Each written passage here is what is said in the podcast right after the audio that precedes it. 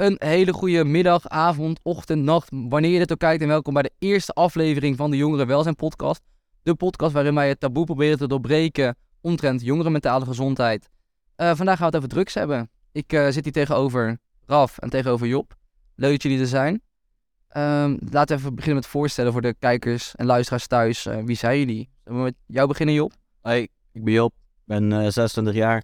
Ik ben momenteel ben ik nog aan het studeren, International Communication, aan de Hogeschool in Arnhem. En eh, ja, eh, ik heb een klein drugsverleden, soort van. Ja. Ik ben eh, Raf, ik ben 27 jaar. Ik werk op dit moment bij een eh smart shop die zich richt op ethisch gebruik van drugs. Mhm. En daarnaast heb ik eh, mijn bachelor psychologie aan de Universiteit Utrecht afgemaakt. En doe ik nu mijn gezondheidspsychologie master aan het Radboud. Vet. Nou, voor de mensen thuis, dit is natuurlijk de eerste dat jullie mij zien. Mijn naam is Owen. Ik ben 22 jaar net geworden. Ik studeer op dit moment af aan Creative Business in Breda, aan de BUAS, de Breda University of Applied Sciences. En dit is deel van mijn bedrijf. En met mijn bedrijf studeer ik dus af op dit moment. Dus ja, laten we lekker beginnen. Eh, voor de mensen thuis, we zitten elke keer in een andere setting. We zijn vandaag bij jou, mochten we langskomen in het mooie Arnhem. Ik weet niet of er heel veel aan over te vertellen is, maar Nou, Arnhem is eh, prima. Het heeft het mooiste park van Nederland. ja, welk park is dat? Sonsbeek Park. Oké. Als je daar wel eens bent geweest? Klinkt wel redelijk heeft bekend. zelfs een waterval. Echt? Ja, eh, hoe moet ik dat zien dan? Ja, gewoon real life waterval. Gewoon twee, drie meter hoog of zo. Echt? Met echt stenen en zo. Ja. Nou, ik denk dat wij op de, de toeristische route naar huis nemen. Denk ik zo meteen. Even kijken, we gaan gelijk met het eerste onderdeel van deze podcast beginnen. We trappen af met Quickfire. Nou, we beginnen de podcast elke week met quickfire. Ik heb drie stellingen per persoon en dan mogen jullie met één een woord mogen jullie, eh, antwoord geven op de stelling. We beginnen met jou, Job. Eh, jouw eerste stelling is drugs, of, jouw eerste ding is drugsgebruik in één woord. Leuk. Eh, de tweede, zonder drugs te hebben gebruikt, was ik nu verder dan waar ik nu ben. Ja. Oké, en de laatste, drugsgebruik is beschamend. Nee. Oké, gaan we hier zo meteen verder op in. Ga ik eerst even naar Raf. Jouw eerste is, ik vind dat drugs legaal zouden moeten zijn. Ehm, half. Ik wil, ik wil een ja of nee. Oh, eh, ja. Oké. Eh, drugsgebruik is leuk. Ja?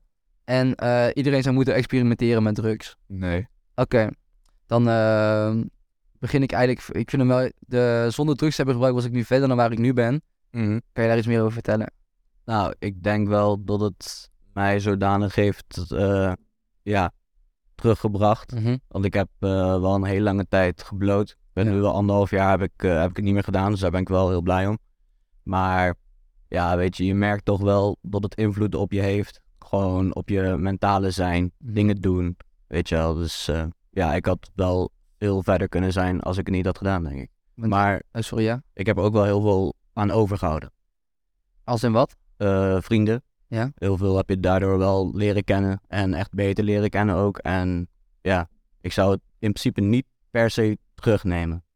Oké, dus je zou verder zijn dan waar je nu bent, maar je zou het niet terug willen draaien. Nee, nee. Oké, helder. Ehm, jij vindt drugsgebruik in één woord leuk. Ja, omdat ik moest per se één woord Ja, geven. daarom, ja. Maar natuurlijk, er zijn ook eh, slechte kanten aan drugs. Maar eh, sommige drugs zijn leuk, sommige zijn minder leuk. Ja. En ehm, ja, het is, het is lastig om dat zo in één woord te kunnen vertellen. Maar over het algemeen is het wel leuk. Want voor de mensen thuis, wat, wat voor drugs heb jij allemaal gebruikt? Ehm wiet, hash, miauw, coke, MDMA, ecstasy, LSD. En dat is het wel. Ja, dat is wel een flinke lijst natuurlijk. Maar ik denk wel wat je zegt inderdaad. Is heel verschil misschien per drug. De ene is leuk, maar de ander misschien minder. Of is, heb je met aan alles wel een positieve ervaring overgehouden? Ik heb met alles wel een positieve ervaring. Er zijn ook wel negatieve kanten aan in principe. Mhm. Maar over het algemeen, kijk, ik ben niet een fucking verslaafde hond of zo, weet je. Ik doe wel gewoon, doe wel gewoon Ja, chill, weet je. Ik doe het eens in de maand of zo, weet je. Dat is niet Ja, dat ik echt een ziek probleem heb. Ja. Of whatever, is gewoon voor de leuk. Het probleem bij jou was vooral blowen nemen. Was het toch? Ja, toen de tijd wel, ja. En dat, ja. dat is anderhalf jaar clean van een blow, maar je doet Ja. nog wel andere soorten drugs gewoon als recreatief gebruik. Ja, ja, zeker, zeker. Oké, helemaal goed. En jij zei natuurlijk drugsgebruik is niet beschamend. Nee. Maar dat is, ja, in jouw geval vind je dat überhaupt? Eh, ik vind het überhaupt. Maar in mijn geval ook niet echt, omdat sowieso nu deze dagen, ze denken echt 80% van alle jongeren wel iets aan de drugs. Ja. Dus dan denken ze van ja, boeien. Ja, tuurlijk. Dus eh, sommige mensen reageren er natuurlijk anders op, maar veel mensen in kringen die ik ken, die denken allemaal van, ook mensen die niet gebruiken, Ja. van ja, lekker doen, lekker doen wat je later wil, boeien. Oké, gaan we hier zo meteen even over verder. Dan ga ik even naar Raf of vragen op jou, Quickfire. Eh, jij, vindt, jij twijfelde heel erg over eh, het stukje dat het legaal zou moeten zijn. Je wilde eigenlijk beide opties geven. Ja, ik wil het net wat genuanceerder brengen. Want, Ja. ehm, waarbij ik denk dat het goed is als het legaal gemaakt wordt. Ik denk dat we, allemaal kunnen concluderen dat eh, de war on drugs, Ja. om het zo Ja. maar te noemen, die is al verloren. Ja. En door het illegaal te houden, daar eh, praat je mensen eigenlijk heel veel schaamte aan. Weet je? En ik denk ook dat eh, ehm, het, het, het is nu een morele kwestie, Mhm. terwijl drugsgebruik eigenlijk een gezondheidskwestie zou moeten zijn. Terwijl als jij nu met drugs op zak loopt, of te veel, of drugs waar je dus meestal wel verslaafd aan bent, zoals heroïne, word jij crimineel berecht. In plaats van dat er eh, naar je gezondheid wordt gekeken of naar jouw verslaving, wat natuurlijk een Hm. psychologisch ding is. Ehm, en als jij het legaal maakt, of in ieder geval decriminaliseert, dan zou je eigenlijk het taboe daarvan verbreken. En kan jij ook betere zorg geven aan de mensen die het nodig hebben, samen met eh, inlichting voor mensen die het willen proberen. Zodat er, denk ik, minder problemen zijn met Ja. drugs. Ja, om daarop aan te sluiten, hoe ik het dan misschien zie. ehm, je hebt bijvoorbeeld, je hebt kinderen vroeger, die mochten dan bijvoorbeeld, ja, ik was denk ik 15 toen ik mijn eerste alcoholieversnapering eh nuttigde. En je had van, ook van die kinderen die mochten echt pas drinken van het moment dat ze 18 waren. En die, ik kan je vertellen, de meeste mensen die ik heb meegemaakt dat ze met een ambulance werden afgevoerd naar, naar te hebben gedronken, hadden hele strenge ouders. Omdat ze dus niet mochten drinken of, of dan juist ging, veel te ver gingen omdat ze het tof vonden, omdat het juist niet mocht. En ik denk, wat jij zegt, het taboe doorbreken gaat alleen maar als je het gewoon normaal maakt. En dat mensen er ook inderdaad misschien minder stof naar kijken of er minder bang voor zijn. En dan, dan denk ik zelf dat je dan ook ja, de, de schaamte en dat soort en de, de, de coolheid eromheen weghaalt. Ja, zeker, zeker. En je ziet ook dat heel veel, eh, op, bij heel veel mensen bij het fout gaat. Ja. Het komt omdat ze eh, ongeteste drugs hebben Ja. of eh, overdoseringen nemen. Terwijl als jij het eh, legaal zou maken en bijvoorbeeld gewoon een ecstasy-pil kan kopen en daar dus een eh, juiste dosering aan vasthoudt, Ja, dan is de kans op overdosering natuurlijk gewoon een stuk kleiner. zeker. Samen met de vervuiling, die gewoon dan geen kans meer maakt. Mhm. Ja, bijvoorbeeld op festivals heb je het ook vaak. Je hebt wel plekken waar je het kan testen. Ik denk dat we ook alle drie van mening zijn, als je het gebruikt, laat het ook testen. En als je niet zeker weet of het goed is. Maar het is inderdaad wel heel raar dat als in, je komt daar binnen, je wordt echt overal gecontroleerd of je niks bij je hebt. En, maar je kan wel op dat terrein alsnog testen, wat heel goed is. Maar dat maakt inderdaad wel misschien wat spannender of wat raarder. En ik zou kunnen begrijpen als mensen niet hun pilletje durven te testen. Met de angst van misschien word ik dan wel aangehouden of zoiets. Ik weet niet hoe jullie daarnaar kijken. Ja, ben ik zeker met je eens, inderdaad. Ehm, en ik denk dat je ook moet onthouden dat de druk die gewoon het meeste schade aanbrengt aan de samenleving als in het algemeen, is gewoon wijd beschikbaar. Terwijl als je kijkt naar Alcohol denk ik op. exact Ja. alcohol, inderdaad. Als je kijkt naar de schade eh, die een ecstasy-pil aanbrengt aan het brein, is dat bij verantwoordelijk gebruik echt vele malen kleiner dan Ja. eh, een avond stevig drinken. Ja. Oké. En je ziet ook bijvoorbeeld op eh, festivals waar heel veel gedronken wordt, daar heb je echt een sfeer bijvoorbeeld dat mensen elkaar gaan vechten en zo. Ja, zeker. Als jij bijvoorbeeld naar een technofeestje gaat of zo en mensen zitten een beetje aan, aan andere drugs, echt waar, nooit ruzie. Letterlijk nooit. Ik heb nog nooit gezien in ieder geval. Dus ja, dat is ook wel een dingetje. Veel gemoedelijker dan. Ja, 100%. Iedereen, als jij bijvoorbeeld per ongeluk tegen iemand aanloopt, oh, zegt die andere sorry, weet Ja. je wel. Ik had toevallig laatst waar we op Koningsdag Mhm. en een vriend van mij die liep tegen iemand aan en eh, daardoor viel zijn eigen drankje. En die ene gast zegt, oh sorry man, wat had je? Ik haal even nieuw voor je, weet je wel. Dat heb je niet op een ander festival waar alleen maar gezopen wordt, weet je Ja. wel. Dat is een hele andere sfeer. Toen ik, eh, wij hebben in Breda bij, bij het Koningsdag dan het vijfde jacht natuurlijk. En ik was denk ik toen 18 of 19. Nee, ik was 19. Toen mocht ik daarheen. Het, toen ging ik daar voor de tweede keer heen natuurlijk. Vanaf 18 is dat. En ehm, toen had ik dat inderdaad ook. Ik was toen lekker aan het dansen. En er was een vette artiest. Ik weet niet meer welke. Maar ik was aan het springen en aan het zingen. En er was gewoon een meid achter mij. Die pakte haar Jills vast volgens mij. Gooit ze gewoon in mijn nek. Van, van ja, doe rustig man. Dat ik Ja. dacht van, yo. Bizar. Ja, en ik denk op een technofeest ga je dit nooit meemaken. En eh, dat is gewoon, dat, daar is die sfeer veel gemoedelijker. Dat was inderdaad, dat was in, zo ja, bizar inderdaad, dat je denkt van, ik ben hier gewoon, ja, een feest aan het vieren. Ik ga goed op die muziek, ik heb het leuk. En omdat, omdat jij het irritant vindt dat ik misschien een paar keer voor je springen, misschien één keer tegen je aan ben gekomen, per en ik zei gewoon sorry, gooi je die Jills leeg, weet je. Ja, dat is echt, echt bizar. Dus Ja. ja. Ehm, jij zei iedereen zou moeten experimenteren met drugs. Nee. Nee, ik Ja. eh, denk zeker niet dat iedereen zou moeten experimenteren met drugs. Er zit er gewoon best wel veel risico aan, Mhm. aan drugsgebruik natuurlijk. Ehm, er is gewoon best wel een grote groep mensen en die wordt ook elk jaar groter. Die bijvoorbeeld kampt met eh, depressieve symptomen Ja. eh, of andere mentale stoornissen. En ik denk dat als jij dan eh, zonder weet wat je doet, drugs gaat gebruiken, dan kan je dat alleen maar erger maken. Daarnaast, als je bijvoorbeeld psychedelica gaat doen als jij schizofreen bent, ja, dat weten we allemaal dat dat gewoon geen goed idee is. Nee. Ehm, sommige mensen zijn ook simpelweg gewoon niet klaar voor de overweldigende ervaringen die drugs met zich mee kan brengen. Eh, ik denk wel dat eh, mensen er opener tegen moeten staan, want ik denk dat de cognitie die veel mensen hebben, drugs are bad of... eh, Ja. ehm, ja, Wat zei jij? Drugs erbij aan gewoon. Ja, dat, dat is gewoon heel zonde. Ja. Ehm, en wat ik denk ik ook vind wat het, wat het weerhoudt, ehm, is dat mensen hun moraliteit, weet je wel, hun ethische eh, viewpoints koppelen aan eh, de regels die gemaakt worden door onze eh, president of door onze ministers. Ja. En ik, ik denk dat op die manier leven is best onethisch in mijn ogen. Dus jij ziet het als de staat zegt, dit is slecht met een stempel erop. En dan, dan zien wij dat ook allemaal zo. Ja, sommige mensen zien Ja, dat sommige- ja, gewoon, precies. ja. Ja, die zien dat dan zo inderdaad. En geven het daardoor geen kans. En kijken daarom ook neer op gebruikers. Ja, ja. Nee, helder. Ehm, dan gaan we het even meer hebben over wat jullie zelf natuurlijk hebben meegemaakt. Jij hebt al, Job, al het een en ander verteld over wat je hebt meegemaakt. En jij, ben jij, heb je, jij hebt het zelf ook wel gebruikt of dat nooit? Ik heb wel geëxperimenteerd. Ja. Ja, oké.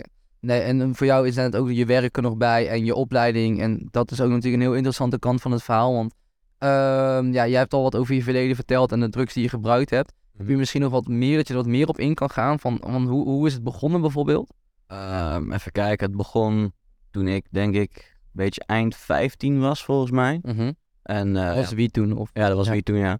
Ja, dat heb ik echt tot mijn, ja, heb ik echt heel veel gebruikt en ook echt heel lang. Ik denk dat mijn 21ste sowieso bijna elke dag, denk ik. Ja. Maar in ieder geval echt heel veel. Ehm, dat dus. Ehm, ik heb dan MDMA gedaan. Dat is wel een van de, de eerste keer dat ik MDMA gebruik, is wel waarschijnlijk ook een van de leukste tijd uit mijn leven. Laat maar zeggen dat Alleen, die, alleen die eerste keer? Of, of die eerste keer, Ja. die eerste keer was heel leuk. Ja. En dat was toen ehm wel op vriendenweekend. En toen hadden we een avond dat we dan met z'n allen gingen gebruiken. Oh ja. En ik had eh, oortjes in, ik had eh, 3D-muziek en dat zit dan een Oh super vaak. En het, we waren echt in zo'n boerengat. Dus Ja. je had niks van lichtvervuiling. En ik vind het universum vind ik super dope. Mhm. En ik had zo'n nummer van Travis Scott op Stargazing. Luister het maar thuis voor de mensen thuis. Ja. En ik keek zo naar de sterren en ik zag letterlijk het hele heelal gewoon met die muziek op. En ik ging daar echt super goed. Dat vergeet ik nooit meer. ja. Dat, dat was heel Dat leuk. is dan inderdaad de mooie kant. Ja. Eh, wat je inderdaad ook aanhaalt, die heb ik zelf ook geschreven. Ehm, de eerste keer blijkt altijd inderdaad vaak de beste te zijn als je het hoort van eh, gebruikers. Ehm, Of- Dat ligt wel aan welke drugs. Oké, ja. Lijkt bijvoorbeeld een beetje met harddrugs, laat maar zeggen. Bijvoorbeeld ehm ecstasy en MDMA, denk ik dat wel. Ja. Dat dat wel de leukste keer is. Mhm. Ehm, maar bij wiet denk ik het niet per se. Want heel veel mensen hebben ook voor de eerste keer dat ze helemaal niks van voelen. ja. Of dat ze heel bad gaan, dat kan ook. Ja, Heb ik ook gehad in principe. Ja, bij mijn tweede keer toen ging ik wel echt bad. Maar dan toch nog doorpakken daarna. Ja joh, naar de quitter. nee, eh, maar dat was gewoon eventjes kut. Want ik weet gewoon dat het, dat het lachen kon zijn, dat het chill was. ja. Dan maakte het dan niet zoveel uit. Maar het was niet bepaald chill. Maar ja, dat is dan een uurtje, twee uurtjes. Ja. En dan daarna is weer gewoon oké, weet je wel. Je weet dat er niks verkeerd fout kan gaan bij wiet in ieder geval.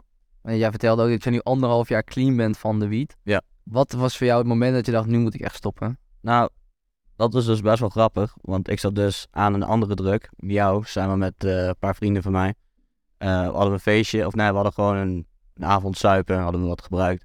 En toen kwamen we thuis. En toen gingen ik en eh, mijn huisgenoot toen de tijd nog even door. En toen hadden we gewoon een gesprek daarover. En toen zeiden we van ja, weet je, wat haal je er nou uit? Het hadden we gewoon echt, echt een diep gesprek. En dat kwam ook eigenlijk wel door die drugs. Door die drugs kreeg ik wel gewoon echt een diep gesprek. Echt meaningful. En toen was eigenlijk gewoon het kwartje gevallen. En toen was het ook gewoon meteen, heb ik nooit meer gedaan. En de knop ging om en je dacht, eh Ja, was precies. daar. Ja, Ja. knap. Ja. Ehm, en jij vertelde al dat je inderdaad de opleiding hebt gedaan, eh, nu met je master bezig bent. Was het voor jou al heel lang een interesse om daarmee bezig te zijn? Of is dat in je studie misschien meer gekomen? Ja, ik ehm, vind psychologie natuurlijk gewoon super vet. Daar, Mhm. daar ben ik al wel eh, lang mee bezig. Eh, en ik vind de manier hoe drugs het brein en het lichaam beïnvloeden ook echt eh, heel erg interessant. Dat is al een beetje een persoonlijke hobby. Daarnaast ook eh, harm reduction practices. Dus dingen doen om de schade die drugs kunnen toebrengen zoveel mogelijk te verminderen. Ehm, en daarnaast heb ik ook, ja, je krijgt natuurlijk al best wel veel te weten over hoe de hersenen werken en hoe drugs die beïnvloeden. Maar ik heb ook wel extra vakken gevolgd die specifiek daarop ingaan. En psychofarmacologie, dus hoe, hoe drugs, eh, de verschillende routes die je die kan nemen. Dus bijvoorbeeld oraal of snuiven. En hoe die voor andere effecten zorgen. Maar ook de verschillende systemen in de hersenen die eh, beïnvloed worden door drugs. En waarom drugs dus ook andere dingen doen bij eh, verschillende mensen. Ja, ja. En dus verschillende drugs ook andere effecten hebben Ja. op het lichaam. Ja. ja zeker. Nou, jullie zijn ook vrienden van elkaar. En ik denk dat jullie eigenlijk dit op deze manier eigenlijk wel heel veel daarmee samen hebben op dit onderwerp. Maar ook natuurlijk jij zit meer misschien van de... Jij hebt het echt meegemaakt en jij hebt dan misschien meer de, ehm, ja, de, de kant van de studie erbij. Hebben jullie dan bijvoorbeeld samen ook gesprekken of, of hoe doe je, of, of daarover of dat soort dingen? Of dat niet echt? Nou, ehm, wij leerden elkaar kennen, denk ik, voordat we nog bij de Jumbo werkten. Wij kennen elkaar sowieso van het werk bij de Jumbo. Alleen eh, de eerste keer dat ik Raf ontmoette, deden we wel samen blowen, ja. En, en die is er een klein beetje ook. Dus eh, ja, wij hebben wel gewoon eh, veel eh wietjes met elkaar gerookt. En hoe oud waren jullie toen? Ja, ik denk rond de 16, 17. of Ja, dus 16, 17. Ja. Ja. En dat was toen bij de Jumbo als collega's en daarna van, ah, we blowen allebei, we gaan samen een keer wat doen. Ja. Ja, de, de al- na, het, maar- na het werk eigenlijk. ja, na het werk altijd, ja. Ja, dan waren we op donderdagavond meestal. Nou, donderdagavond. Klaar, rond een uurtje of negen. Ja. En dan hadden we een groep van, ik denk, vijf man of zo. Allemaal, allemaal van de Jumbo. Allemaal van... Ja, Ja, maar dat waren ook gewoon allemaal vrienden Ja. van ervoor of Ja, die we daar leren kennen, Ja, weet je wel. Dus gewoon, Ja. het is daar, in die zin verbindt drugs wel. Ja, dat snap ik inderdaad. Misschien een hele stomme vraag, maar eh je, je had het natuurlijk over dat ehm, mensen vaak neerkijken op gebruikers. Hoe reageerden ze daar dan bij de Jumbo bijvoorbeeld op? Collega's die het aan het horen kregen, of misschien management zelf? Ik weet nog wel dat eh, wij een vulploegleider hadden. En die, die keek daar wel op neer. Die, dat heb ik altijd nog onthouden. Die zei ook een keer van, oh ja, ik zag die en die in het bushokje blowen met z'n tweeën. Tegen wie zei die dat? Ja, tegen collega's van ons. Oh ja, ja, ja. Nou, dat zei hij tegen mij over collega's van mij. En toen, eh, toen zei hij wel met zo'n toon zo van, eh, oh ja, die, die zijn eh, altijd daarmee bezig. Die, die willen gewoon niet meer nuchter zijn. Ja. Weet je wel? Terwijl, kijk, je, kan- je kan natuurlijk wel zeggen dat het eh, gebruik wat eh, toen plaatsvond, weet je, dat, dat was ook wel een beetje de spuigaten uit. Ja, dat was wel echt over de top, ja. ja. was over, overdreven, Ja, zeker. Maar om dan zo'n neerbuigende opmerking te maken, terwijl jij zelf, wat is het, 23 bent, over 17-jarigen, ja, dat is Ja. onnodig. En ik denk dat als jij die eh, een vleugel had toegereikt, weet je, dan had je daar een constructief gesprek mee kunnen hebben, in plaats van, ja, eigenlijk ze nu gewoon shamen. Ja, dat is wel waar. En bijvoorbeeld je ouders, hoe reageerden die? te- Of weten die het überhaupt? Ja, mijn ouders weten het wel. Eh, niet bepaald. Wel, jawel, ze weten wel dat ik het heb gedaan, maar ik denk niet in de getalen dat ik het heb gedaan. Nee, oké. Waar wie dan? Ja, en jouw ouders die, zei, die reageerden gewoon, die vonden het prima? Nou, nee, ja, kijk, weet je, mijn moeder, toen ze het voor het eerst hoorde, vond ze natuurlijk niet tof. En eh, dat, dat snap ik ook wel heel goed. Ja, die van mij ook. Ja, Ja. ja. maar ik denk dat als je ook gewoon laat zien aan je ouders, eh, zo van, hé, hey, ik, ik doe dit, weet je wel, ik blow. Maar het eh, beïnvloedt niet mijn presteren in het verdere leven. Weet je, Ik, ik Ja. maak mijn school af, ik eh, ga nog verder, ik heb goede vrienden, ik heb waardevolle relaties opgebouwd. Dan eh, wordt hun cognitie die ze hebben over dat blowen slecht is, wordt ook wel aangepast. Omdat ze gewoon leren zo van, oké, misschien zit hier wel wat meer, meer achter. En ja, je, je, moet, je moet ook onthouden, het is voor in ieder geval de tijd dat wij opgroeiden, weet je, toen was eh, alcohol nog legaal op je 16. Ja, wij, wij konden nog... Oh, jullie waren nog van die generatie? ja, we- Ja. nog Ik was, ik was echt 18 inderdaad toen het pas mocht. Ja, ja. Ik was, ik was 16,5, 17,5 volgens mij. Ja. En toen zeiden ze van, ja, nu mag je een half jaar of anderhalf Ja, jaar niet drinken. Ja, Dat is Niemand dat wel deed gek. ja niemand deed het. Ja, fuck dat. Ja. Maar hoe was het dan bijvoorbeeld in de horeca als jij, als jij 17,5 was? Kijk, ik weet gewoon 17,5-jarigen komen gewoon niet binnen bij ons in Breda in de clubs. Nou, ik ging, die tijd ging ik ook gewoon totaal niet uit. Toen dronk Oh, ik ja. bijna niet. Laat maar zeggen. Oh ja, oké. Voor mij was het toen echt gewoon blowen, buiten chillen. Ja, Weet je wel, dat was, toen dronk ik die tijd ja. dronk ik echt nauwelijks. Af en toe op een verjaardagsfeestje natuurlijk. Maar niet eh, als ik een avondje niks te doen had, bijvoorbeeld op een zaterdag of zo. En er was niks, dan ging ik gewoon naar buiten met vrienden chillen. En gingen we blowen. ja. En dat deed je nooit thuis? Eh, als mijn ouders niet thuis waren. Ja, oké. En dan Als ze op vakantie waren. deed je het soms ook alleen? Of alleen met anderen? Eh, op een gegeven moment deed ik het eh, af en toe alleen, maar ik heb het grotendeels echt, echt alleen met anderen gedaan. Want dat, Ja. ik, vond, ik vond zelf wel, als je het echt in je eentje gaat doen, als niemand erbij was, dacht van, hmm, dan heb je misschien wel een beetje een probleem. Ja, en dat heb ik misschien twee, drie keer gedaan of zo. Dat, Ja, dat valt wel echt al die jaren? Ja. Dat is wel inderdaad best wel weinig. Ja, maar ik ben wel echt, ik was wel echt altijd met vrienden. Nee, oké, maar dat, ja, dat is misschien dan met stereotypen wat, of, wat ik erop gooi. Maar ik vind dan inderdaad, ik heb dan, ik woon nu net een paar maanden op, ik denk acht maanden op mezelf. En ik vind het ook, bijvoorbeeld met drank heb ik dat heel erg. Eh ik lust wel een borrel, maar ik drink nooit alleen. Want dat vind ik echt heel, ja, triest of zo. Ik weet niet wat jij zegt. Als ik, Nee. Vind ik ook. als ik dan bijvoorbeeld bij het avondeten, heb toch van die mensen, die moeten elke avond bij het eten een biertje of zo. Oh nee, ik vind, ik vind, als ik dat doe, dan is het een wijntje. Maar dan Ja. is het ook wel met iemand. Laat me niet in mijn nee, snap je, maar fles wijn bij het eten. Nee, en dan, dan denk ik dat het misschien ook probleem, problematisch wordt. Want we hebben het nu alleen maar over drugs. En je- Ralf, jij gaf net al aan. Misschien de gevaarlijkste druk die, legaal, die wel legaal is, is, is drank natuurlijk. Want dat, ja, dat, is een, die maakt, dat maakt heel veel kapot.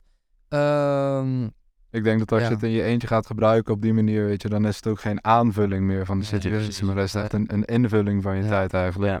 ja, Ja. Nee, ik drink eigenlijk ook alleen maar als ik op stap ben of met vrienden aan het chillen ben. Ja, precies. Eh, ja, ik vind, ik vind ook, in, ik moet misschien heel stom zeggen, ik vind drank ook niet, ik, ik drink liever een colaatje dan een biertje, weet je wel. je vindt het niet lekker? Ja, ik vind het Speciaal biertje niet lekker? Ja, wel lekker, maar ik vind alsnog een colaatje drink ik liever bij mijn eten dan een speciaal bier. ja, Ja, speciaal bier bij het eten is En- ja, ik vind speciaal. En wij in Breda hebben wij dan el- elke maand, eerste maandag van de maand hebben wij eh speebieavond. Dan kan je de Oh, avond ziek goedkoop speciaal bier drinken. Ah. Ja. Dat, is, dat is wel leuk. Ja, ja.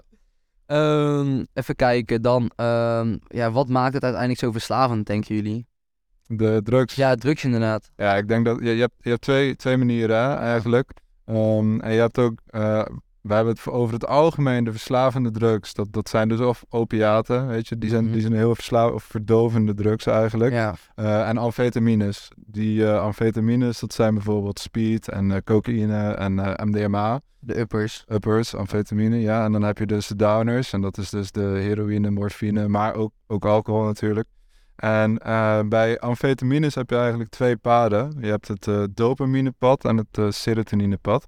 Het serotoninepad, die wordt vooral benut door dingen zoals ecstasy, weet je wel. En Mhm. dat zijn die dingen die langdurig werken, uur of zes. En die jou echt heel diep van binnen dat gevoel van gelukzaligheid geven. Ja. Dus die, waarbij je eh, echt denkt van, oh, ik, ik hou echt van de mensen met wie ik ben. Ik hou echt van de mensen met wie ik ben. Ehm, en ja, die, die, ehm, die serotonine boost, die krijg je eigenlijk als je grote dingen hebt eh, behaald. Dus bijvoorbeeld het kopen van een huis of het Ja. krijgen van een kind. Weet je, echt, echt een grote accomplishment halen van je studie. Ja, Dan komt de serotonine vrij, die jou een goed tevreden gevoel geeft. Mhm. En dan heb je dus de dopamine drugs. En dat zijn eigenlijk over het algemeen de drugs die je snuift en kortdurend werken. Eh, en dan hebben we het dus bijvoorbeeld over cocaïne, eh, maar ook miauw werkt heel erg op de eh, dopamine. oké. Dopamine, dat is eigenlijk het pad wat benut wordt als jij kleine dingetjes goed doet. Dus je hebt bijvoorbeeld je afwasmachine uitgepakt of lekker gekookt voor jezelf, maar bijvoorbeeld ook masturberen. Dan krijg je een dopamine shot van je hersenen. Mhm. En je moet even nadenken dat een normale dopamine shot van bijvoorbeeld ehm, masturberen of de afwasmachine uitpakken, laten we zeggen, komt op 10. Weet je wel? Dan krijg je een bonus van 10. Ja. Als jij snuift, weet je, een eh miauw of zo, dan is die dopamine die je krijgt, is in één keer nou, 1500 of zo. Ja, Dat is echt een gigantisch Ja. verschil natuurlijk.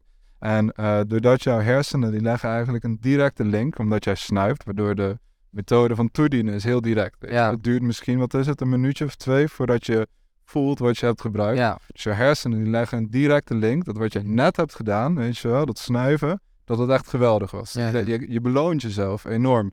En eh, daardoor hebben mensen die dopamine drugs gebruiken, zoals uh, zul je waarschijnlijk ook kunnen beamen, Hm. constant het gevoel van, als ik nog iets meer neem, weet je, iets, iets een be- beetje meer nog, dan, dan zit ik op het eh, level waar ik wil zitten. dat blijf je steeds Dus doen. dan zit je de hele Ja, tijd inderdaad te stapelen en dan zit je dus de hele tijd je hersenen te belonen Ja. wat jij doet, dat dat supergoed voor je is. Ja. En dat, dat creëert dus die verslaving. En in het begin eh, doe je dat nog bewust. Weet je, dan, dan neem jij bewust bij. Eh, en op een gegeven moment, als jij dus langdurig gebruikt en al een beetje aan het misbruiken bent, dan wordt dat bewuste pad, het bewuste hersenpad eigenlijk, waarbij je dus nog bewust iets doet, wordt omgezet naar een onbewust pad.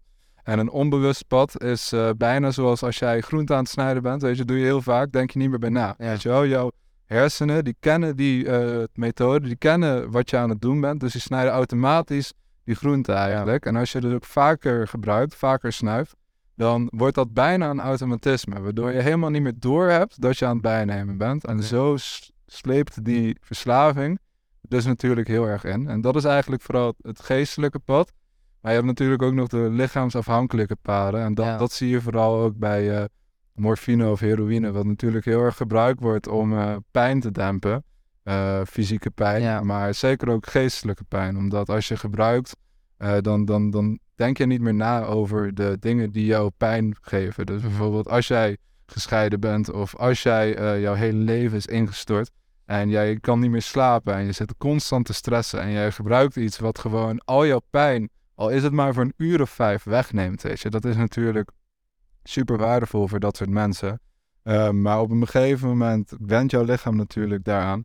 En dan, dan moet je eigenlijk blijven gebruiken om jou normaal te voelen. Omdat eh, je bent constant je hersenen aan het eh, onderreguleren. Eh, en wat er gebeurt als jij constant je hersenen onderreguleert, worden ze dus extra gevoelig. Omdat je hersenen eigenlijk weer terug willen naar de baseline waar ze op zaten. En als jij dus jouw hersenen extra gevoelig maakt en daarna stopt met het gebruik, dan is die extra gevoeligheid niet weg. Als je dus een Ja. opioïdeverslaafde, een morfineverslaafde, eh nuchter is en daarna zijn teen stoot, en dan voelt het echt gewoon alsof je zijn voet breekt. Ja, joh. Ja, Als, als, wanneer je niet, niet gebruikt. wanneer die dus niet gebruikt, Ja, omdat zijn ja. hersenen dus overgereguleerd zijn. Sensitiever voor bijvoorbeeld pijn, maar ook geestelijke pijn, dan dat een normaal eh, brein is. Ja, want ehm, je hebt natuurlijk ook nog twee kanten. Ehm, ik heb natuurlijk van heroïne, heb ik soms gehoord dat het een beetje voelt als... Ik heb het zelf natuurlijk nooit gebruikt. Anders had ik hier waarschijnlijk niet eh, gezeten misschien. Maar dat, ze die, eh, dat het voelt alsof je de rugzak die je eigenlijk heel je leven bijdraagt, dat die opeens afgaat. En als die eenmaal afgaat, dan wil je dat steeds meer en meer en meer. Ja. Is dat een beetje waar het op neerkomt? Ja, dat, dat is dus inderdaad het, het, het zorgeloos zijn. Ja. Weet je, het, het, het- inderdaad, die rugzak, die stress die je eigenlijk constant Ja. met je meedraagt, weet je, die je de hele tijd bij je hebt, ja, die, die is voor het eerst in je leven gewoon, gewoon echt weg. Ja.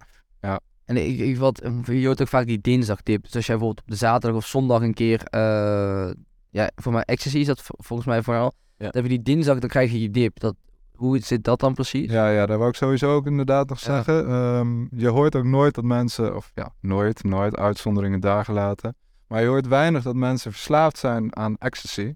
Ja. Omdat die eh, werkt op die serotoninepaden. Ja. Eh, waarbij een dopamine drugs werkt eigenlijk altijd. Ja. Ehm, serotonine raakt gewoon op in je hersenen. Dat, dat is er dan niet meer. En daar kan je heel leuk bij gaan nemen. Of de volgende dag of de dag daarna weer opnieuw gaan gebruiken. Maar dan zit het er gewoon niet in. Dan, Ja. dan is het gewoon klaar. Dan houdt het op. Eh, en dat, is, dat, dat heeft dus eigenlijk een mechanisme in de drug zelf. Die eh, ervoor zorgt dat er bijna geen misbruik plaatsvindt. Dus dat, Ja. dat is het mooie aan serotoninehoudende drugs. En daar komt dus ook die dinsdagtip vandaan. Als jij eh ecstasy gebruikt, dan, dan gebruik jij gewoon eigenlijk jouw voorraad serotonine. die maak jij op. En jouw, jouw hersenen die hebben serotonine nodig om goed te voelen. Om, om tevreden te zijn met het lichaam. Om eigenlijk niet depressief te zijn. Eh, en die serotonine die is gebruikt tijdens de ecstasy trip. Die is de zondag en de maandag is die nog wel aanwezig. Mhm. Maar op dinsdag is dat echt helemaal uit je hersenen Ja. gespoeld.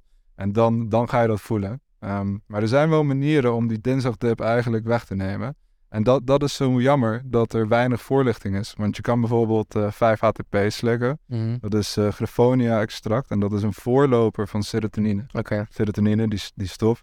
En dat wordt dus in jouw hersenen, dat passeert dus de bloed-hersenbarrière. En dat wordt in jouw hersenen omgezet naar serotonine. Waardoor je dus eigenlijk die reserves die je hebt opgemaakt, weer aanvult met de serotonine voordat ze er weer om vragen. Waardoor die dip, dinsdagdip eigenlijk vrijwel uitblijft. Dat is wel grappig, want het is dus ook wetenschappelijk bewezen Ja. dat eh, op deze manier er minder hersenschade plaatsvindt dan als je het eh, niet zou gebruiken. Dus eigenlijk, het is best gek dat, dat jij dit nu aan mij vertelt en dat de luisteraars en de kijkers thuis het ook krijgen te horen. Maar ik had dit nog nooit gehoord. Ja. Ik, denk, ik heb ook nooit iemand erover gehoord of ermee bezig geweest. Terwijl het is eigenlijk een hele goede tip. Die alleen maar goed zou zijn als iedereen het zou weten. Ja, ja, ja zeker. Dat, dat is, wel- dat is eigenlijk wel, dan, dan is inderdaad een stukje voorlichting en het stukje shamen op is dan inderdaad wel het kwalijke. Want je Ja. gaat er ook niet tegenhouden. Ik geloof dat Nee, 56% van de jongeren tussen 18 en 23 jaar Ja, heeft ecstasy geprobeerd. ja, Dat is meer dan de helft. ja, Gewoon als je de twee mensen random uitkiest, heeft sowieso één ecstasy geprobeerd. ja. Als je die zou kunnen inlichten, Ja, en dan denk ik wel dat het, ja, het- je komt er toch wel aan, weet je. Iedereen kent wel weer iemand, of, of volgens mij is het heel, ik, ik heb op een gegeven moment bij vrienden van mij op de telefoon, die hadden dan, een, eh, die werden gewoon onder zoveel tijd geappt door, door een ander nummer, dan stond er in een verzendlijst van, ja, we hebben nu weer eh, dit en dit in de aanbieding, eh, stuur je adres en we komen het brengen, weet je wel. Ja, het gaat zo makkelijk allemaal. Ehm, dan wil ik nu eigenlijk even vandaag een interview met iemand eh, die uit het werkveld komt. Eigenlijk een beetje hetzelfde als jij, maar deze heeft inderdaad met verslavingszorg en ook dan in de psychiatrie gewerkt. Ehm, dan gaan we even met z'n drieën naar luisteren. Duurt ongeveer zeven minuutjes en dan gaan we het daarna even over hebben. Wat denken de experts? Op dit moment heb ik een interview met Ruud. Eh, Ruud heeft werkervaring gehad in de psychiatrie en in de verslaafde zorg. Ruud, zou je jezelf even willen voorstellen aan de luisteraars en kijkers alsjeblieft? Goedemorgen, Owen. Goedemorgen. Eh, ja, ik ben inderdaad Ruud en eh, ik eh, heb in de psychiatrie heel veel samengewerkt met cliënten met middelengebruik in combinatie met een eh, psychiatrische diagnose en ik heb ook werkervaring in de verslavingszorg. Dat is denk ik de spijker op zijn kop. Eh, wat, heb jij, wat heb jij precies gedaan als werkervaring in, de, eh, in de verslaafde zorg? Wat, maak, wat maak je dan precies allemaal mee en wat, wat gebeurt er dan? Ik heb daar eh, gewerkt op een detoxafdeling, waar mensen dus eh, kort opgenomen worden om lichamelijk af te kicken van het middel of de middelen waaraan ze verslaafd zijn. Ehm, en ik heb gewerkt op een eh, motivatiecentrum.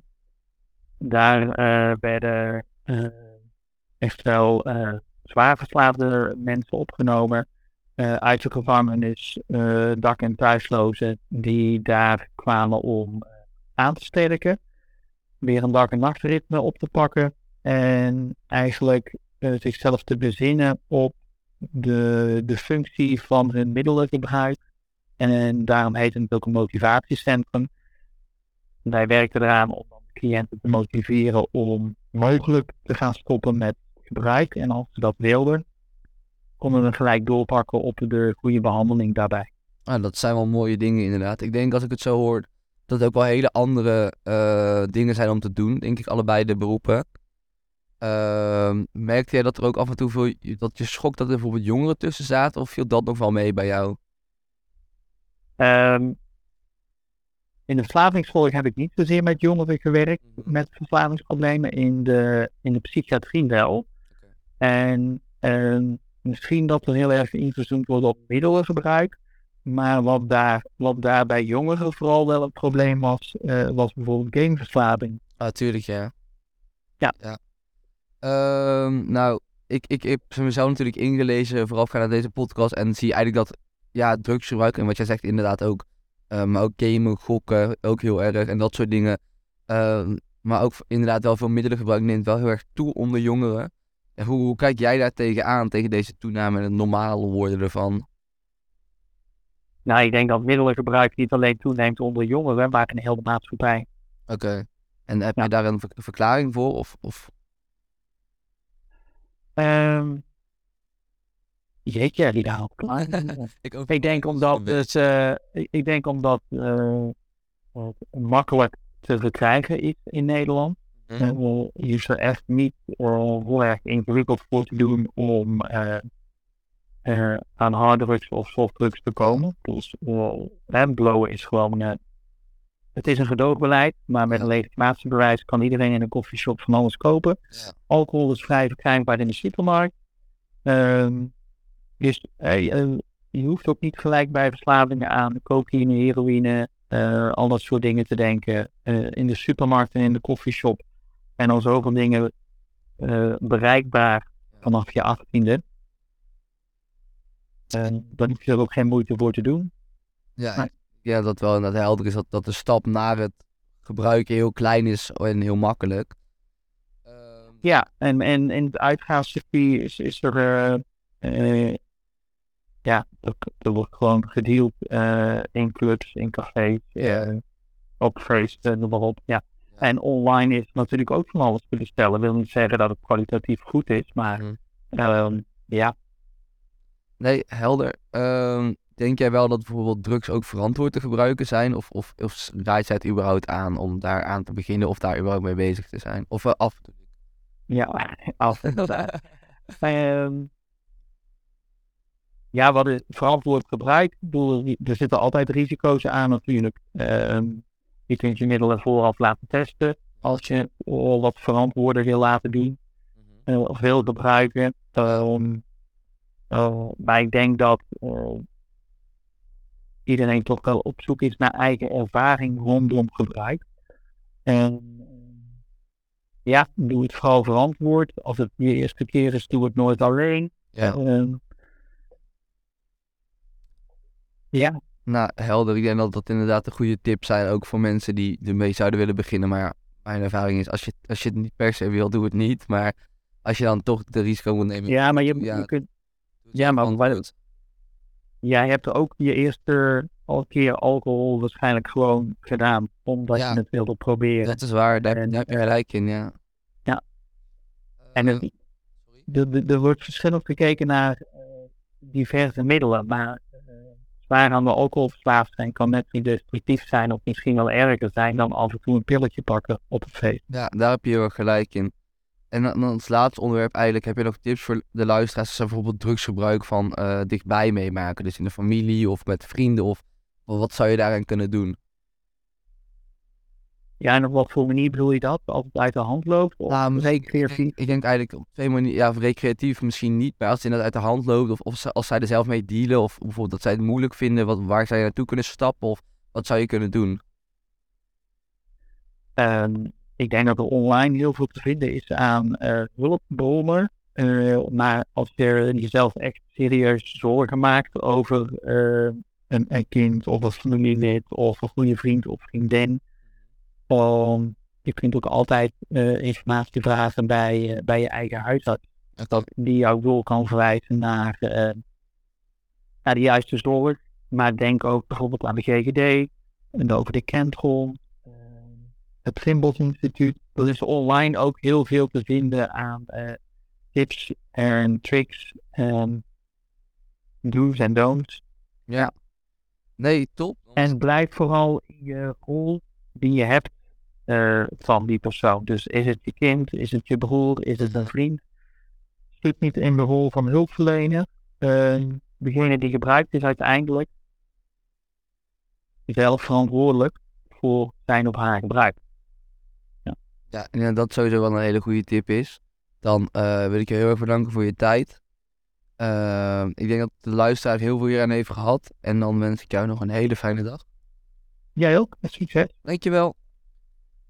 Nou, dat was dus een interview met Ruud, zoals ik al van tevoren aangaf. Jij vroeg het inderdaad al, wat was zijn rol precies daar? Ik denk dat het inderdaad meer de begeleidende rol was van die mensen in plaats van inderdaad de psychiatrisch of psychiatrische rol of dat soort dingen. Eh, wat is jullie bijgebleven van het interview? Of wat vinden jullie goede dingen die zijn genoemd? Ik hoorde hem. Er was iets dat hij zei, alleen dat ben ik nu even vergeten. Ja, ik zag jou op een gegeven moment heel erg ja knikken. Ging dat volgens mij ten over dat je niet alleen moet gebruiken de eerste Ja, keer? ja, dat sowieso. ja. Gewoon altijd. Maar ja, ik denk ook niet echt dat er. Er zouden vast wel mensen zijn die er vast wel iets als iets nieuws proberen in drugs het alleen doen. Ja. Maar ik denk dat dat echt nauwelijks voorkomt dat mensen opeens denken van, "Hmm, ja, weet je wat? Ik zit hier nu op de bank. Laat ik gewoon even wat MDMA me mee gooien. Ja. Nooit gehad. Ja, ik kan misschien hier even om de hoek even halen of zo. Ja. Ja. Nee, ik denk dat niemand dat ooit heeft gedaan. Dus dat is sowieso een goeie. Nooit Ja. je eentje doen. Maar er was nog iets wat hij zei, waar ik dacht van, daar wil ik nog even op ingaan. Maar dan ben ik dus even... ja, misschien komt hij zo meteen nog boven dan. Ja, kan je het altijd nog inschieten. Ja, precies. Ik ben vooral ook benieuwd naar jouw kant. Jij bent natuurlijk zelf de, de psychiatrische kant ervan heel erg meegekregen. Ja, ik denk wat hij zei over dat eh, je niet moet vergeten welke rol je van degene die drugs Mhm. misbruikt bent. eh, dat je dat moet houden in plaats van Ja. dat je zelf die therapeutische rol in kruipt. Want eh, ja, dat, dat is gewoon een hele destructieve cirkel natuurlijk. Ehm, en mensen die niet geholpen willen worden, die, die kan je ook niet helpen. Nee. Dus dan, ja, dan, dan ga je er zelf gewoon heel erg aan onderdoor. Als je bijvoorbeeld je partner drugs ziet misbruiken of wat dan ook. Eh, dus ik, ik denk dat hij daar een heel sterk punt maakte. En ook eh, eh, wat hij zei over ehm, dat, dat als jij zelf moeite ergens mee hebt, dat je dan, ehm, ja, dat je dan naar de dokter of naar de huisarts kan gaan. En daar ben ik het ook heel erg mee eens. Maar ik zou het sowieso aanraden voor mensen als ze het gevoel hebben dat, dat hun gebruik uit de hand begint te lopen, dat ze het gewoon simpelweg aan de grote klok hangen bij hun vrienden. Want je, je kent je vrienden, weet je, en je weet dat, dat ze om je geven Ja. en dat ze je ook willen helpen. En op, op die manier ehm, maak je het ook meetbaar voor jezelf. En, en eh, haal je het eigenlijk uit die, die eh, bescheiden en schaamtecirkel van jezelf. Weet je? Want het, het is natuurlijk, over het algemeen ben je niet trots als je in je eentje drugs loopt te misbruiken. Maar door het te delen met vrienden, dan heb je ook vrienden die jou eh, accountable houden. Weet je, die aan jou vragen van, hé hey man, is het, is het nu weer misgegaan of heb je weer gebruikt? En ik denk dat op die manier ja, je jezelf eigenlijk weer een stap terug kan zetten voor, voordat je echt eh, de hulp moet inschakelen. Ja. Ja. Ehm, wat ik ook een interessant deel vond, wat hij zei, waar ik helemaal niet bij stil stond, dat eh het, dat wordt heel vaak inderdaad neergekeken op ah, het middelengebruik en je drinkt te veel of je eh bloot te veel en zo. Maar ik denk wat hij zei, het gedeelte eh, gamen of gokken, of dat, is, dat is ook best wel eh, vaker dan we eigenlijk denken. Ik denk zeker dat gamen, ik, ik, ken, eh, ik denk dat ik zelf ook wel kan zeggen dat ik tegen verslaving aan heb gezeten met gamen. Dat het op een gegeven moment echt uit de hand liep hoeveel ik aan het gamen was. Ehm, en dat was voor mij wel heel schokkend toen. En uiteindelijk, uiteindelijk is het bij mij gewoon overgegaan die fase. Dus ik denk het hoort er ook bij als jonger om lekker te gamen. Maar bij mij was op een gegeven moment wel dat, dat, ik, dat ik echt eh, met Minecraft en op een gegeven moment FIFA, dat ik echt wel veel aan het spelen was en er ook veel ja, geld in stopte. Eh, en ik denk dat dat ook vaak eh, onderschat wordt, hoe, hoe verslavend dat kan zijn. Dat je bijvoorbeeld tot soms, ik zat soms al op een schooldag, soms tot 1, 2 uur in de nacht FIFA te spelen, omdat ik per se dan die Weekend League af wilde maken, of per se die pakketjes vrij wilde spelen, weet je. Of dan had ik een eigen Minecraft server toen ik jong was, en wilde ik per se zorgen dat de- deze functie werkte, of weet je. En dat, dat is wel ook schokkend, dat je daar ook wel heel veel eh, ja, tijd en, en geld aan kwijt bent. Terwijl ja wat, hou- ja, wat haal je er eigenlijk uit? Het is plezier, maar dan misschien dat stukje dopamine. Zeker, Ja. zeker dopamine. Ja, je moet ook wel onthouden dat die games van tegenwoordig Ja. eigenlijk echt gemaakt zijn om jou verslaafd te maken. Ja. Ze baseren eigenlijk alles op operant conditioneren. En dat, dat eh, leert jou eigenlijk aan de hand van beloningen. Eh, dat, dat je net even de hele tijd dat stapje verder moet zetten. Ja. Dat is precies wat je zei. Want dan krijg je misschien dat packy, weet je wel. Ja, En dan krijg je dan misschien die goede speler uit. Ja. En het is ook vooral die misschien die eigenlijk het nog verder bekracht. Waardoor je gewoon moeilijker kan stoppen inderdaad. Dat is, ook- dat is ook met gokken. Ja, Eh, zeker. bijvoorbeeld dan, als je... Ik heb wel af en toe gegokt, nooit een probleem gehad. Ik heb misschien in totaal eh 30 euro verloren of zo, weet je. Alleen je hebt dan van die slots. En dan op een gegeven moment heb je bijvoorbeeld een, een bonus. En dan krijg je best wel slecht. Alleen je was zo dichtbij Ja, bij echt die super mega win. ja, ja. Weet je wel. En dan denk je van, oh maar dan gaat de volgende keer wel gebeuren. Ja, Zo. ja. Kan niet gebeuren immers. Nee, dat is ook dat stemmetje voor me dat was toen op tv een keer dat het wat als, van wat als het nou wel gebeurt, of wat als ik nou nu nog even doorkok dat ik hem dan wel krijg. Ja. Wat ik als tip aan de kijkers, of de mensen thuis mee kan geven is, eh, ga gewoon met een van tevoren bepaald budget het casino in. Eh, ik doe meestal 20 of 50 euro, ligt eraan hoeveel ik dan op het moment over. Doe het ook alleen met geld wat je kan missen op dat moment. En als jij, als jij het kwijt bent, ga niet bijpinnen of ga niks doen. En wat ik had laatst was, ik had ik 50 euro gepint, ging roulette. En toen kwam ik op 62 uit en dacht ik, ah, ga ik lekker even naar die slotmachines kijken of ik iets, of ik iets leuks kan pakken. En toen ben ik met 50 euro en 10 cent ben ik uiteindelijk geëindigd. Omdat eh, ik dacht, ik ga niet om die 50 euro komen. Dan heb ik mijn inzet, heb ik tenminste nog. Ik heb een leuke avond gehad. Ik heb in principe 10 cent winst. Ja, weet je. En dat, dat- daarna ga je gewoon lekker verder, weet je. En dat, ja, ik, als je, ik denk als het moment dat je bij gaat storten, dat het dan wel gevaarlijk begint te worden. Dat je dan inderdaad heel dat die, win, die dat verlies terug wil winnen. En ik denk dat daar, dat is denk ik het foute. Ja. Ja. Dat, zo zie ik het dan tenminste. Ehm, daarover gesproken, denken jullie dat alcohol, wiet en gokken bijvoorbeeld te toegankelijk is gemaakt in Nederland? Nou, ik wou ook nog inderdaad even terugkomen op Oh ja. het gesprek. Want Oh, je zei op een gegeven moment, eh, vroeg je aan hem, hoe, hoezo denk je dat het nu zoveel wordt eh, Oh, ja. gebruikt? Ja, Daar wou ik ook over hebben. ja oké, mooi. Dan, dan weten we waar het over gaat. Ja, ja, ja. En ehm, ja, ik, ik, kijk, weet je, er zijn we- weinig echt wetenschappelijke onderzoeken gedaan naar wat is nou de reden dat, dat er meer wordt gebruikt. Maar ik denk dat als we samen even logisch nadenken, dat we best wel wat invullingen kunnen maken. En een voorbeeld wat ik daar wel bij wil geven is eh, in Zwitserland is het natuurlijk ook moeilijker om aan te komen, maar echt niet onmogelijk. Echt niet onmogelijk. Maar het wordt daar gewoon bijna niet misbruikt. En ja, mijn theorie en waarom dat ook mede gebeurt, is omdat en, en mensen hebben natuurlijk meer geld. Hè? De standaard van leven, de kwaliteit van leven is gewoon hoger. Maar eh, als je daar in het weekend, weet je, ga je gewoon met de boys mountainbiken op een berg, weet je wel. En dan ga je daar gewoon downhillen. Ja, dat is toch ziek vet. ja. En dan ben je gewoon daar de hele dag mee bezig. Bij back af, daarna drink je misschien twee biertjes. Hè? Want ja. als je, de, als je doodmoe bent, ga je ook niet zuipen. Niemand heeft zin om te zuipen als hij doodmoe is. Dus dan drink je even dat biertje gewoon lekker. En is het daarna klaar. De, de invulling van tijd is daar zoveel meer opgevuld met leuke dingen. In Ja. plaats van hier in Nederland, waar eigenlijk iedereen van onze leeftijd net te weinig geld heeft om echt leuke dingen te doen. Mhm. Weet je? Wat, wat, wat kan je nou echt... Als je een keer wil karten, ja, dan ben je gewoon, wat is het, 80 euro kwijt of Ja. zo, weet je? De- ik heb daar het geld niet voor. En als jij een keer drugs wil gebruiken, ja, kost het je misschien 10 of 20 euro, weet Ja. je. Daarnaast gratis dingen, dat, dat bestaat hier eigenlijk niet. Nee. Invulling in de natuur, ja, ik moet gewoon, wat is het, drie kwartier rijden en dan ben ik op een klein park. Weet je. Dus dat, dat, Ja. dat is dat verschil eigenlijk een beetje. Wat, wat wij, waardoor wij een samenleving creëren, samen ook met de klimaatverandering, waardoor eigenlijk iedereen een gevoel van hopeloosheid natuurlijk heeft. Mhm. Want ja, zoals het er nu uitziet, niet rooskleurig. Dan is het eigenlijk heel, dan, dan ben je eigenlijk een samenleving aan het creëren die het drugsmisbruik gewoon heel erg in de hand speelt, denk ik. En- Wil, wil jij nog iets op daarop aanvullen? Ja, nou, waarom het nu sowieso een beetje uit de klauwen begint te komen met drugs, voornamelijk harddrugs. Ik weet bijna wel 100% zeker dat dat door de coronatijd komt en Ja. door de avondklok en dat soort dingen. In die tijd ben ik ook, eh, heb ik ook harddrugs gebruikt, ook, ook de eerste keer. En omdat je gewoon letterlijk niks anders kon doen.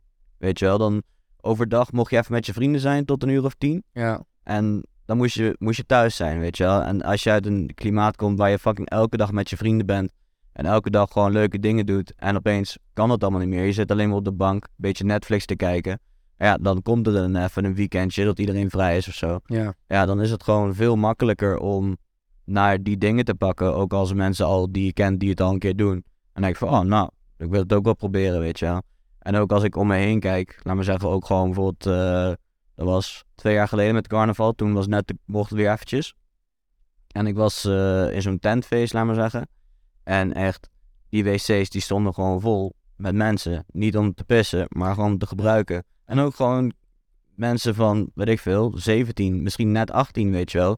Die gewoon volop gebruiken. Dan hoor je steeds meer dat ook gewoon veel meer jongere mensen gewoon aan die eh miauw zitten. Bijvoorbeeld miauw, dat is dan denk ik nu wel echt in, in ieder geval in het oosten van het land.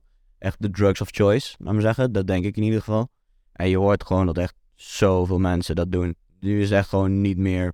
Ik denk dat echt letterlijk 70% van alle jongeren wel een keer gesnoven hebben. Ja. Wat ik mij echt op die leeftijd niet had voor kunnen stellen. Ja, want jij begint dan over corona. En ik denk dat eh, een heel groot deel van de jongeren in corona ook depressed is geweest. Omdat jij zegt, ik denk, iedereen had zijn vriendengroepen. Die gingen naar school. eh, je ging werken. Je, je stond aan het begin van je leven. En alles was leuk en mooi en dat soort dingen.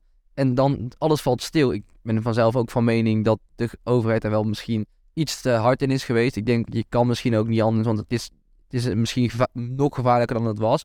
Maar uiteindelijk viel het heel erg mee. En dan ja, dan is het misschien een verkeerde keuze waar je achteraf misschien spijt van hebt. Maar ehm, je ziet het ook heel vaak dat dus drugs gepaard gaat met depressie. Dat mensen die dus eh, juist heel depressief zijn, dat die gaan gebruiken en het dan alleen maar erger maken. Of wa- wat, wat jij net aan had, Raf, dat, ehm, dat, dat juist dat je heel blij bent door die drugs en dat je juist alleen maar nog slechter voelt wanneer je het niet gebruikt, omdat je dan eigenlijk dubbel op verdrietig bent.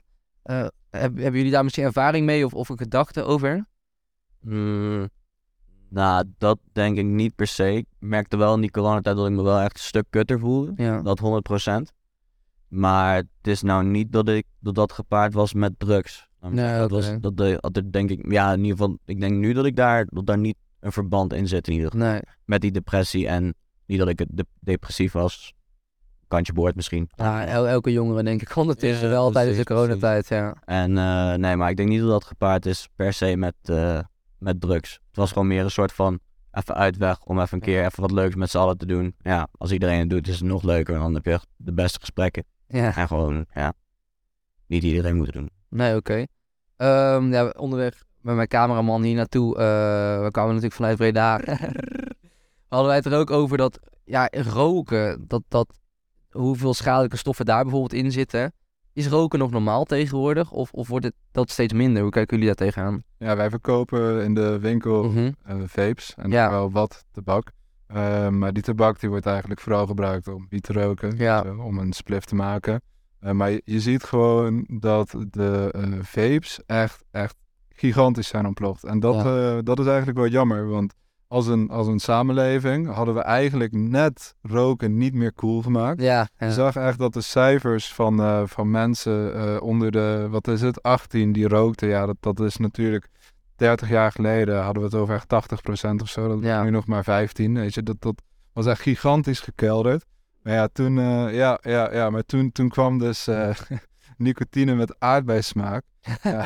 En dat, dat is toen gewoon weer echt gigantisch. Om... ja. Ja, nicotine is gewoon echt letterlijk eh, nog verslavender dan heroïne. Dat, Ja. dat is echt niet normaal moeilijk om daarvan af te komen. Omdat die, die hunkering, die hunkering daar is echt, eh, ja, die, die is gigantisch groot. Die is gigantisch groot. En natuurlijk is het heel makkelijk, hè, nicotine. Want je bent er niet van eh, onder de invloed. Of in ieder geval niet op zo'n manier dat je niet meer kan functioneren in de samenleving. Waardoor het heel makkelijk wordt om te gebruiken als ontspanningsmoment. Ja. Dus als mensen een drukke dag gehad hebben op school, of voordat ze iets groots gaan doen, is het heel makkelijk om even nicotine te nuttigen, Mhm.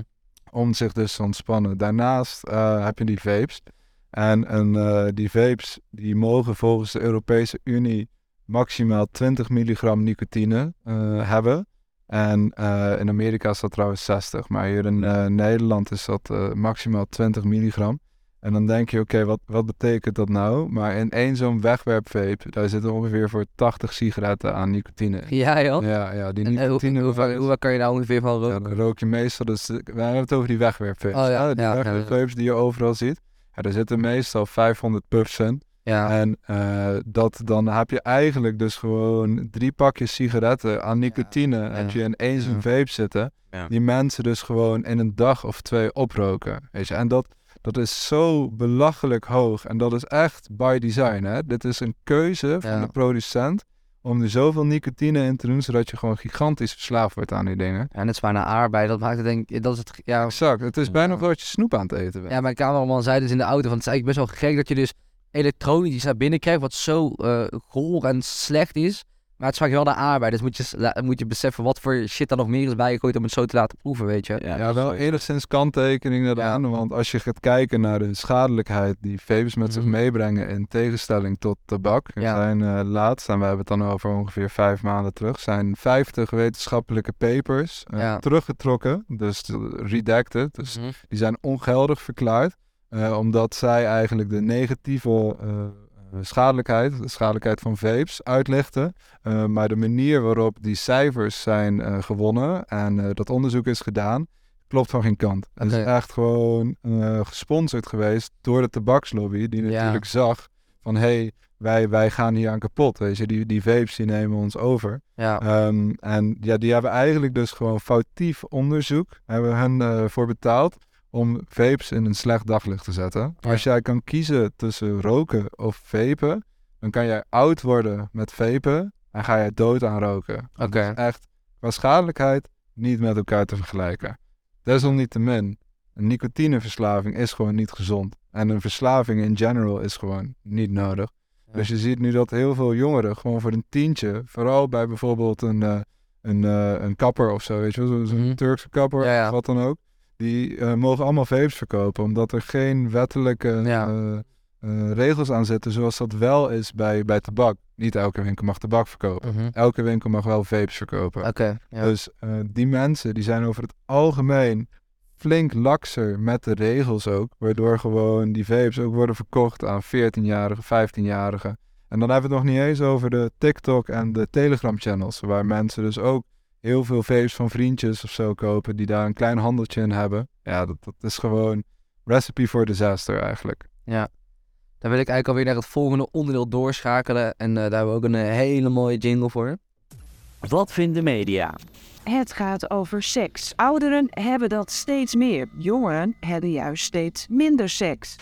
We vertellen hoe duizenden gezinnen in armoede leven door een fout van de overheid. Nou, in het eh, gedeelte Wat vindt de media eh, haal ik elke week een stu- stuk van mijn studie erbij. Ik doe natuurlijk een mediastudie en deze week heb ik een eh, TikTok meegenomen. Het kan elke week iets anders zijn.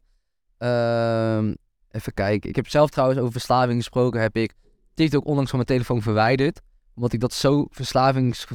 ik, ik daar zo verslaafd aan raakte. Dus ik heb de telefoon van mijn cameraman nu kunnen gebruiken. Ik ga hem even linken hieraan. Even kijken. Ehm... Want dan kunnen jullie gelijk meeluisteren. En dan gaan we er even op reageren. Even kijken. Zo. Is, ja, hij is verbonden. En dan, eh, ik zal hem even hier in het midden laten. Natuurlijk in beeld zien jullie hem ook gewoon thuis. Het gaat over de druk eh, drank. Ik weet niet of jullie er al over gehoord hebben. Maar het is eh, wel interessant om even naar te kijken. Mensen zien eruit als levende zombies. En dat heeft alles te maken met de nieuwe druk drank. We gaan even terug. Amerika had al te maken met een fentanylcrisis. Fentanyl is een hele sterke pijnstiller die 80 tot 100 keer sterker is dan morfine. Het heeft de effecten van heroïne, zoals slaperigheid en het geeft verslaafden een euforisch gevoel. Maar fentanyl is nog heel veel sterker. En alsof dat nog niet erg genoeg was, is daar nu drank. Een mix van fentanyl en het zeer verslavende verdovingsmiddel psilocin. De druk verandert verslaafden in wandelende zombies en veroorzaakt gigantische wonden. Soms rotten ze zo ver door dat armen en benen geamputeerd moeten worden. Psilocin is een stuk goedkoper en daarmee ideaal voor junks. Maar het is moeilijker te behandelen, verslavender en gevaarlijker. And this is turning opioid crisis into a nightmare. Deze mensen zien eruit Nou, dat was dus het artikel. Ik ga de telefoon gelijk teruggeven zodat hij weer eh, iets te doen heeft. eh. nee, maar ehm, ja, is dit nog drugs? Of, of ja, wat vinden jullie? Nou, ik weet 100% zeker dat ik dit nooit in mijn hele leven zou gaan doen. Nee, nee. Ja, dat is gewoon, ja, rational thinking. Ja, Ik weet wat voor een persoon ik ben, dus ik weet gewoon zeker dat dat niet gaat gebeuren. ja, Het is zeker drugs, ja. wel. Maar je kan het niet vergelijken met een recreatiedruk. Dit, dit is echt drugs dat of je gebruikt het per ongeluk, Ja, of je bent gewoon al sowieso, je hele leven is hoogstwaarschijnlijk al helemaal naar de kloten. ja. Dus dan gebruik je het. Weet je wel? Dan heb je echt gewoon. Dan boeit het je ook niet meer. Dus ik denk dat. Het is drugs, maar niet een recreatiedruk. Nee, het is echt de andere kant van echt een, gewoon een verslaving voeden. Ja, Ja, Ja. oké. precies. Ehm, ja, we hadden het net al over hoe erg Amerika is qua drugsgebruik. Moeten wij hiervoor bang zijn in Nederland dat het hier naartoe gaat waaien? Of... Nou ja, je ziet bijvoorbeeld dat eh, crystal meth begint nu best wel populair te worden in de gay scene. Oké. Wordt hij Tina genoemd. En ehm, het, het, het ding met crystal meth is natuurlijk een supersterke stimulant die eh, meerdere dagen aanhoudt. En eh, ja, het wordt vaak gebruikt op seksfeestjes, waardoor ze het dus een andere naam geven. En op die manier, ehm, ja, eigenlijk die, die horrorverhalen die wij uit Amerika horen, eh, proberen van los te koppelen, waardoor het genormaliseerd wordt. Eh, dus op dat, op dat, en die view kan je wel zien van, hé, hey, er, is een, er is een kans dat het eh, hierheen komt. Maar we moeten niet vergeten dat de opioïdencrisis in Amerika natuurlijk gewoon komt door de farmaceutische industrie. Daar gewoon allemaal opioïden geel, geeft alsof het snoepjes zijn aan Ja. kinderen, weet je. Als je daar gewoon een keer je arm breekt, wat in Nederland natuurlijk ook gewoon voorkomt, dan krijg je gewoon een maand lang of anderhalve maand oxycodon voorgeschreven. Ja, dat is gewoon letterlijk morfine. Ja. Als jij dat anderhalve maand eh, bijna dagelijks gebruikt vanwege de pijn in jouw arm, ben je gewoon verslaafd. Ja. Punt. ja. Weet je, als jij eh, daarna jouw eh, prescription niet meer krijgt, dan is de stap naar heroïne of fentanyl Mhm. natuurlijk heel snel gemaakt. En het, het, het probleem eigenlijk met ehm, fentanyl is dat het een synthetische opioïde is, waarbij dus morfine en eh, heroïne komen vanuit de poppyplant. Ik weet niet of dat je die kent, moet je maar eens opzoeken als Ja. kijker. Eh, dat is een plant wat sap produceert. En dat sap wordt uitgekookt. Maanzaad komt er ook vandaan trouwens. Ja. Dus ja, ja. En dat uitgekookte sap wordt dan veranderd in morfine. ja, op die manier. Bij fentanyl heb jij precursors. Die zijn eigenlijk gewoon synthetische middelen die jij in India gewoon per 100 kilo kan kopen. Om dan als Mexicaans kartel dat simpelweg te veranderen in fentanyl. Eh, waardoor dus de productiekosten echt gigantisch omlaag gaan. Omdat je niet meer gigantische velden vol met poppies hoeft te verbouwen. Waar daarnaast je er ook nog veel minder van nodig hebt natuurlijk. En in Amerika is eh, het ook echt een heel groot probleem dat drugs worden geleest, dus aangelengd met fentanyl, omdat het zo ontzettend krachtig is en goedkoop. Als jij bijvoorbeeld dus ketamine, dus een, eh, ook een verdovend middel wat niet zo verslavend is, Ja, wil kopen, dan kan jij bijvoorbeeld 10% ketamine. Als je daar dan 1% fentanyl bij doet, dan denken mensen, hey, dit is de sterkste ketamine die ik ooit heb gehad. Terwijl ze eigenlijk fentanyl aan het gebruiken zijn. Ja. dus eigenlijk ook verslaafd worden aan een opioïde. Ja. En dan komen ze terug en dan zeggen hey, Ja. oh meneer. Exact, Ja. exact. Het is zelfs zo erg dat eh, op de homepage van Amazon, van Amazon in Amerika, staan gewoon teststrips om je drugs mee te testen of Ja, er fentanyl in zit. Ja. Ja. Ga je gewoon first, one day shipping, hè? Ga Ja. je teststripjes Ja. kopen of dat er fentanyl in zit. Ja. Ja. Ehm, ik had al natuurlijk ook op, op verder gezocht. Eh, dit blijkt rond de 10 dollar per zakje te kosten, dit, dit middel. Dus dat is natuurlijk voor verslaafden die geen geld hebben heel ja, goedkoop om het vaker te gebruiken. Mhm. En eh 70% van alle dodelijke overdoses in eh, Philadelphia is door dit middel. Dus dat geef ik wel aan wat voor ramp het op dit moment is. Heb je wel eens gezien hoeveel je ervan nodig hebt voor een overdosis? Nee, heb jij die cijfers toevallig? Ja, niet uit mijn... Ik, kan, ik heb wel ballparks. Ja. Dus waar, waarbij je dus ongeveer, wat is het? 200 milligram eh, heroïne nodig hebt om een overdosis te krijgen. Ja. Weinig, hè? Ja. 200 milligram, dat, dat is echt... eh, dat past niet... Dat heb je misschien niet eens een half theelepeltje meegevuld. Mhm. Heb je voor fentanyl hebben we het echt over de 5 tot 10 milligram.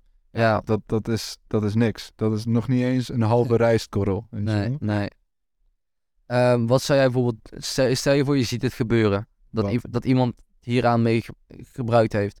Met zo'n met zo'n middel. Wat zou je dan aanraden? Je bedoelt Wat zouden mensen kunnen doen bijvoorbeeld? als- overdosis? Nou, of misschien een overdosis. Of als, als jij ziet dat iemand met zo'n middel in zijn lichaam rondloopt. Wat, wat, is daar iets aan te doen? Of is het gewoon heel... heel... Grote bocht omheen. Ja, wel. Ja, nee, maar misschien is dat de oplossing. Ja, ik, ik zou niet... Ja, eh, nou, ik heb bijvoorbeeld al hier in Arnhem, ja. zie je af en toe ook wel, eh, dus sowieso gewoon in steden, zie je wel drugsgebruik. Nou, ik heb Mhm. volgens mij ook iemand gezien aan de vlakka. Ja. Zijn ook beelden van geweest. Nou, als je zo iemand, zo'n wandelende zombie, zoals je daar ook had Mhm. gezien, daar wil jij niet in de buurt van komen, want Nee. die zijn gewoon hartstikke unpredictable.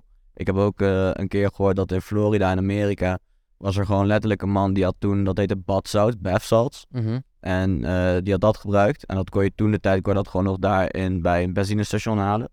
En die gast, die, ik- van die drugs krijg je het gewoon heel warm. Ja. En je wordt gewoon in principe helemaal gek, een zombie. En die guy die heeft gewoon zijn kleren uitgetrokken. Ging hij over allemaal auto's heen springen en zo. En op een gegeven moment zag hij een man. Die man duwt hij op de grond. Heeft hij gewoon zijn gezicht opgegeten. What the fuck. Ja. Ja. Dus daarom als ik iemand een beetje van die gekke moves zie maken, laten we zeggen. Ja. Dan eh, ga ik met een grote bocht omheen en denk van... Hi, eh. Ik denk dat ook het enige is wat we misschien kunnen doen. Want die mensen zijn misschien niet meer te redden op dat moment. Nou ja, dit is gewoon geen persoonlijk probleem. Ja. Dit is een eh, maatschappelijk probleem Ja. natuurlijk. En eh, ja, in de 1970 was er ook een gigantisch heroïneprobleem in Zwitserland. En daar hebben we het dus echt over dat alle parken vol lagen met, met honderden junkies. Hè? Ja. Echt, echt een gigantisch Hier in Nederland was het ook wel eventjes zo. Ja, In ja. Arnhem en Klarendal, waar ik vroeger woonde, dat was vroeger echt de slechtste buurt, laat maar zeggen. Daar, Ja, was, daar, daar sliepen gewoon de, de junks, vielen gewoon in slaap voor je huis met een naald in hun arm. Ja. Ja. En eh, ja, dat is nu gelukkig niet meer. Nee, Ja. eh, Hoe los je dat op, weet je? Ja, door, door eigenlijk eh, locaties te maken waar die junks dus eh, kunnen gebruiken en ook de drugs krijgen van, van de overheid. Oh, dat is ja? Ja, ja, ja. Dat zijn dus in Arnhem heb je heel lang de drugsboot gehad. Lag bij, eh, bij eh, de John Frostbrug. Ja. En daar kon je dus eh, drugs krijgen van de overheid en daar op een veilige manier gebruiken. Oké. En eh, zij boden dan naar de hand, als je een paar keer was geweest, aan zo van... hey, weet je, we zien dit en eh, heb je behoefte om hulp te krijgen? Weet je? En op die Ja. manier ga je dus in gesprek met die mensen. Want niemand wil verslaafd zijn. Dus Nee, de- nee. niemand, niemand vindt het hard. Nee. Dus, ehm, en je hebt natuurlijk mensen die niet geholpen willen worden, die er nog niet aan toe zijn. Maar zo creëer je in ieder geval wel de optie Ja. om eh, die verslaving proberen te stoppen. Ja, Ja. dat is hoe je dat probleem denk ik oplost. We zijn in Klarendal het junkprobleem voor de omwonenden hadden opgelost. Laat me zeggen, dat was eh, met een knokploeg. dat was gewoon, Van de bewoners daar. ja, gewoon, dat waren, me- waren gewoon mensen die gingen gewoon aan de straten met knuppels of whatever. Ja. En die sloegen ze gewoon weg. Dat is natuurlijk niet de oplossing, maar Ja, dan verplaatst Wel je het effectief. probleem. ja, ja, precies. Ja. Ja, ik denk dat we een heel mooi gesprek hebben gehad. En dan sluiten we hem altijd af met de do's en de don'ts. Dus daar hebben we ook nog een hele mooie jingle voor. Do's en don'ts. Bij de do's en don'ts neem ik en vraag ik mijn gasten daarna ook altijd om een, eh, een do en een don't omtrent het onderwerp mee te nemen. Ik zal hem dan even aftrappen. Eh, mijn do eh, rondom drugs is om altijd een tripsitter te hebben. Zeker als je hem de eerste keer gebruikt, maar gewoon altijd iemand die erbij is. Wat jij ook zei, ja, in je eentje kan het heel fout gaan. En heb er gewoon iemand bij die hierop kan letten. En mijn don't is dan, ik sluit er een beetje op aan, niet alleen zijn als je het de eerste keer gebruikt. Eh, ik denk dat dat gewoon, ja, dat, er kan heel maar iets gebeuren of je weet niet wat er gebeurt, je raakt in paniek. Zeker met de harddrugs, denk ik dat dat gewoon heel schadelijk kan zijn. Ook voor de, leuke ervaring die het kan hebben, ehm, ja, dat kan dan verpest worden. Als je bijvoorbeeld een bedtrip hebt of zoiets. Ehm, ik zie jou heel mooi met je blauwe ogen me aankijken, Job.